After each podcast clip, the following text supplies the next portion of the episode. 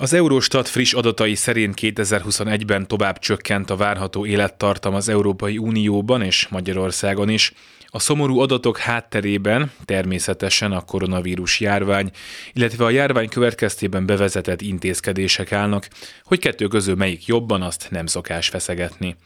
Sajnos azt sem szokás feszegetni, hogy akár van járvány, akár nincs, miért hal meg egy átlag magyar 5-6 évvel korábban, mint az Unió egy átlagos polgára. Ezt a szomorú tényt persze bármikor fel lehet használni egy jó Orbán Viktorozásra, de ha jól megnézzük a statisztikát, sajnos azt fogjuk látni, hogy az 5-6 éves különbség konstans és nem igazán történt az elmúlt 30 évben semmi.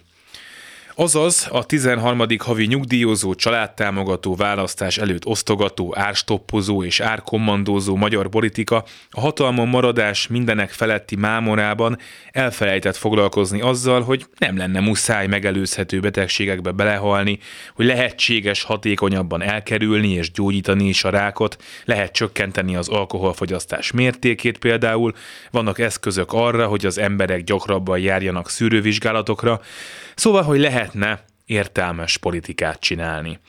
Új tisztességes, hogyha itt megjegyezzük, hogy az egyetlen értelmezhető és persze vitatható egészségügyi reform kísérletet a mostani miniszterelnök még ellenzékből akadályozta meg, ami valószínűleg évtizedekre csökkentette bármilyen, mondjuk vizitdíjban gondolkodó kormány mozgásterét.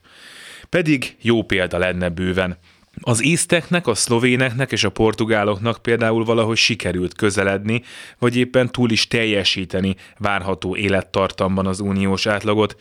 Tanuljunk hát tőlük, írjuk fel a nagy kék plakátokra, hogy élj tovább magyar, hogy, ha már úgyis Petőfi év van, jöhet később az ágyban párnák közti takaró alatti halál, és kezdjünk végre a magyarok életével valamit.